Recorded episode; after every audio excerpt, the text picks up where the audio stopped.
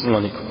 الرحيم. الحمد لله رب العالمين وصلى الله وسلم على نبينا محمد وعلى آله وصحبه أجمعين. أما بعد فقال ابن سعدي رحمه الله تعالى ومثل ذلك خبره عن الملائكة والملأ الأعلى وقصة آدم وسجود الملائكة له بعد تلك المراجعات فقال ما كان, ما كان لي من علم بالملأ الأعلى إذ يختصمون وأعظم من ذلك كله وأجل. إخبار وأعظم من ذلك كله وأجل إخباره صلى الله عليه وسلم عن الرب العظيم وخصه لصفاته العظيمة المفصلة بحيث جاء هذا القرآن بما لم يأت به كتاب قبله وأخبر عن الله أخبارا عظيمة عجزت قدر الأولين والآخرين أن يأتوا بما يقاربها أو بما ينقضها أو ينقض بعضها.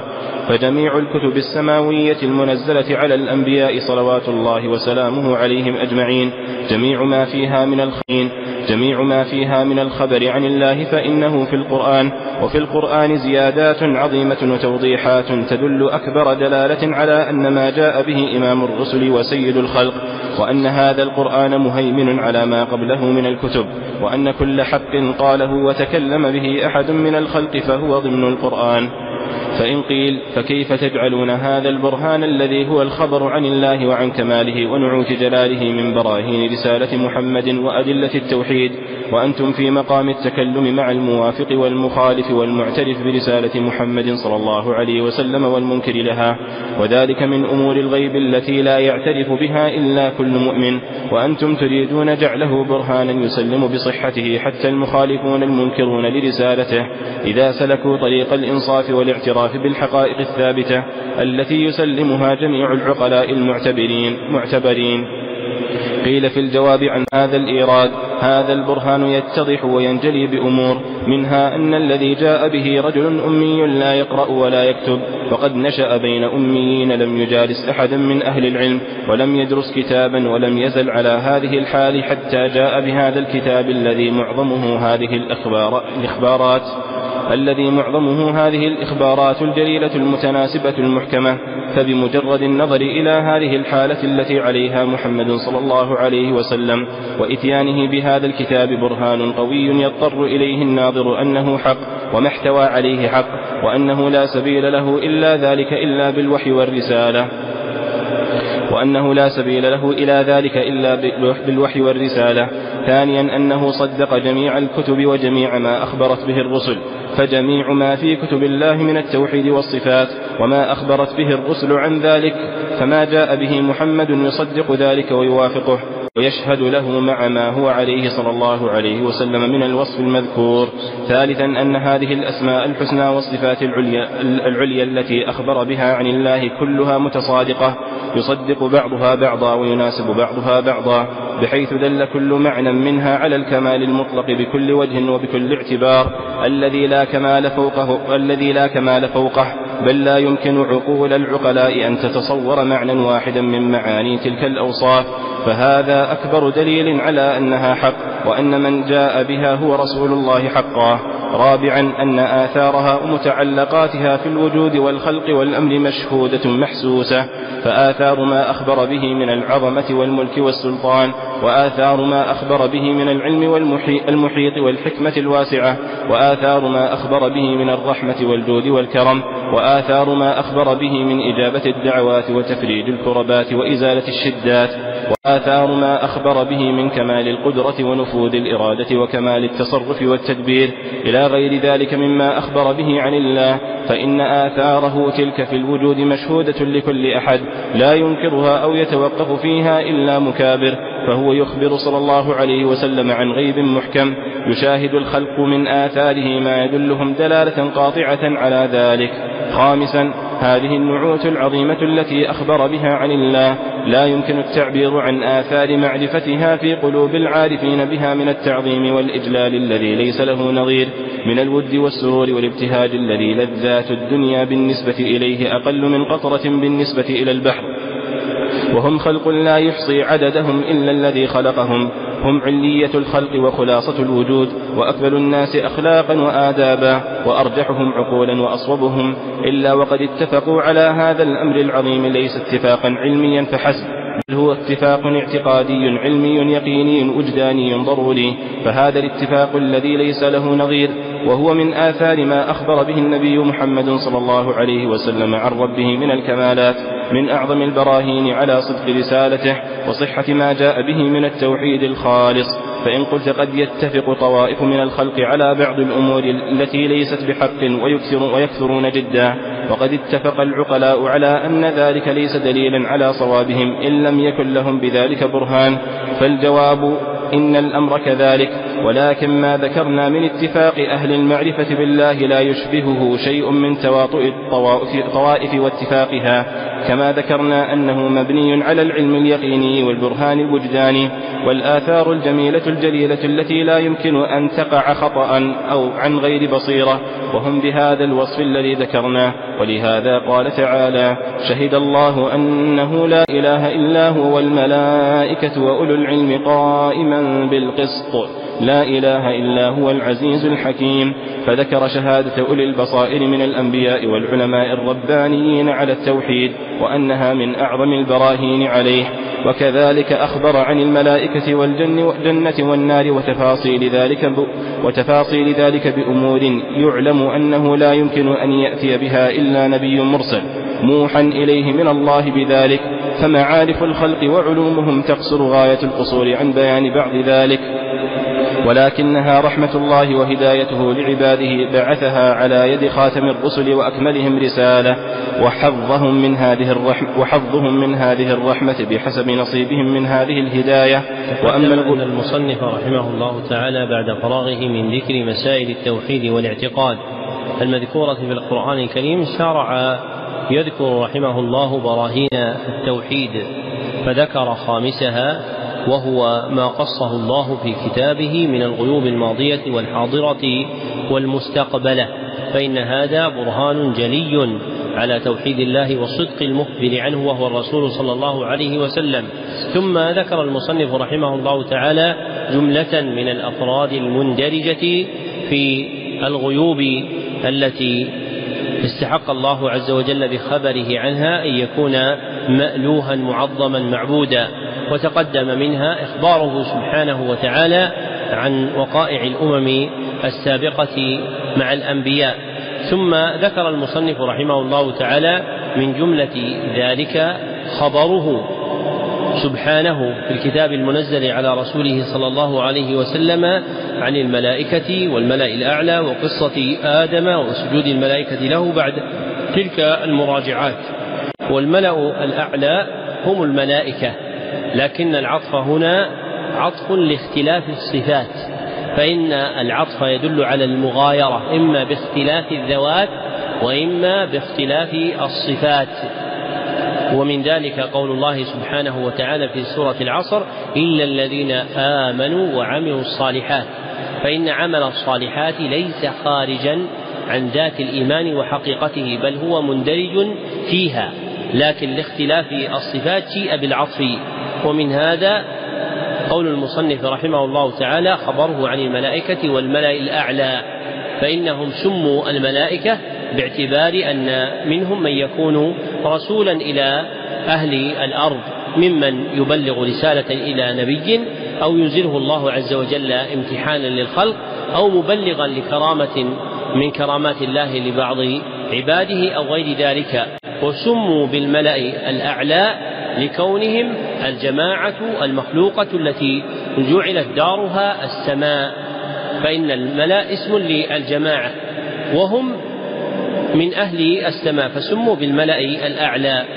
ثم ذكر المصنف أعظم من ذلك كله خبر الله عز وجل عن صفاته وأسمائه.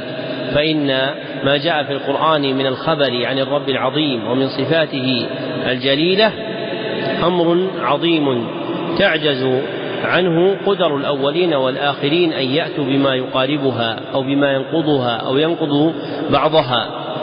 فإن القرآن الكريم استوفى الخبر عن الله عز وجل بما لم يأت في كتاب من الكتب المتقدمة كما ذكر المصنف ذلك وقال في تصديق ذلك وأن هذا القرآن مهيمن على ما قبله. كما وصفه الله سبحانه وتعالى مصدقا لما بين يديه من الكتاب ومهيمنا عليه أي أمينا شاهدا عليه زائدا بكمالات لا تكون في الكتب التي سابق سبقت استحق بها أن يكون مقدما معظما لا يلحقه أي كتاب من الكتب الإلهية التي أنزلها الله على أحد من الأنبياء. ثم ذكر المصنف رحمه الله تعالى إيرادا عقليا واعتراضا يرد على بعض النفوس وهو الاستغراب من جعل الخبر عن الله وعن كماله ونعوت جلاله من براهين رسالة محمد صلى الله عليه وسلم وأدلة التوحيد. فإن التصديق بهذا الخبر مبني على التصديق بالمخبر وأنتم تتطلبون الآن إثبات صدق المخبر واستحقاق المخبر عنه بالوحدانية بشيء يرجع إليه. فبين رحمه الله تعالى أن هذا الإيراد يتضح بأمور.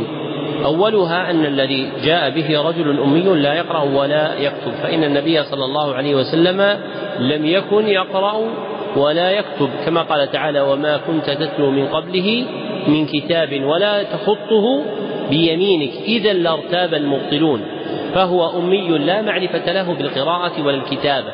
وتقدم أن قول الله عز وجل وما كنت أنه بناء مركب في القرآن للدلالة على النفي المحقق عن النبي صلى الله عليه وسلم. فإذا ذكر مثله دل على تحقق النفي لما بعده. ففي ذلك إبطال أن يكون النبي صلى الله عليه وسلم عارفا بالقراءة أو الكتابة قبل أن ينزل عليه القرآن الكريم. فإذا كان هذا الرجل أميا ويخبر بهذه الأخبار دل على صدق ذلك. ثم ذكر ثانيها أن هذا الكتاب المنزل على محمد صلى الله عليه وسلم وقع مصدقا لما جاء من الأخبار في الكتب السابقة التي ادعى أهلها أنها من الله عز وجل. فكما أن اليهود والنصارى عندهم كتاب أنزل على أنبيائهم فكذلك أهل الإسلام لهم كتاب أنزل, أنزل على أنبيائهم. فليس إنكار هذا وحده بل من أنكر ذلك ينبغي له أن ينكر الجميع. فإذا أنكر الجميع وقع في الإلحاد وإنما الرد على من يثبت ذلك ولكنه يزعم أن هذا الإنزال على محمد صلى الله عليه وسلم ليس صحيحا كما تدعيه اليهود والنصارى وأنه ليس من العرب نبي. ثم ذكر البرهان الثالث وهو أن هذه الأسماء الحسنى والصفات العليا التي أخبر الله عنها كلها يصدق بعضها بعضا ويشهد بعضها لبعض وهذا وصف للقرآن كله كما قال الله عز وجل كتابا متشابها أي يشبه بعضه بعضا ويصدق بعضه بعضا. ولا يمكن أن يكون فيما طال من الكلام سلامة من اضطراب واختلاف إلا وهو كلام صدق صحيح. والكتاب المنزل على النبي صلى الله عليه وسلم مع طوله وكثرة آياته التي تعد بالآلاف ليس شيء فيها من حرف يناقض شيئا منه في موضع آخر فدل على أن هذا ليس من فعلات البشر وإنما هو مما أنزله الله عز وجل. ثم ذكر رحمه الله تعالى الدليل الرابع وهو أن آثار تلك الأخبار عن الله وعن صفاته ومتعلقاتها في الوجود والخلق مشهودة محسوسة فآثار ملك الله ورحمة الله وقدرة الله وقوة الله وغير ذلك من آثار صفاته شيء لا ينكره عاقل بل يؤمن به. كما قيل لأعرابي أتعرف الله؟ فقال نعم. فقيل له بما عرفته فقال البعرة تدل على البعيد والأثر يدل على المسير. فسماء ذات أبراج وأرض ذات فجاج وبحار ذات أمواج ألا تدل على الواحد القهار. فاستدل بجريان تلك الآثار على وجود الرب الذي هذه من آثار ربوبيته وصفاته سبحانه وتعالى. ثم ذكر البرهان الخامس على تلك المسألة وهو أن هذه النعوت العظيمة من صفات الله عز وجل لها آثار في قلوب العارفين بها من السرور والابتهاج التي لا تقاس إليها شيء من لذات الدنيا. وهذا اتفاق اعتقادي علمي يقيني وجداني ضروري بين أناس من خلص الوجود وعلية الخلق كما قال المصنف. فهذا الاتفاق الذي ليس له نظير وهو من آثار تلك الكمالات التي أخبر عنها النبي صلى الله عليه وسلم لربه دال على صدق المخبر به.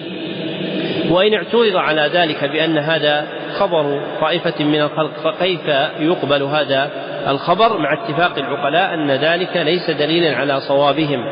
فأجاب رحمه الله تعالى عن هذا بأن هذا ليس اتفاقا من جنس الاتفاقات العامة المطلقة بل هذا اتفاق خاص بمحل مقيد لا يمكن التواطؤ عليه فلأجل تميزه عن سائر المواطآت والاتفاقات اختص بكونه برهانا. ثم قال رحمه الله وكذلك أخبر عن الملائكة والجنة والنار وتفاصيل ذلك بأمور يعلم أنه لا يمكن أن يأتي بها إلا نبي مرسل موحى إليه من الله بذلك. وهذا مندرج في جملة الأخبار. ثم قال فمعارف الخلق وعلومهم تقصر غاية القصور عن بيان بعض ذلك ولكنها رحمة الله وهدايته لعباده بعثها على يد خاتم الرسل وأكملهم رسالة. وحظهم من هذه الرحمة بحسب نصيبهم من هذه الهداية.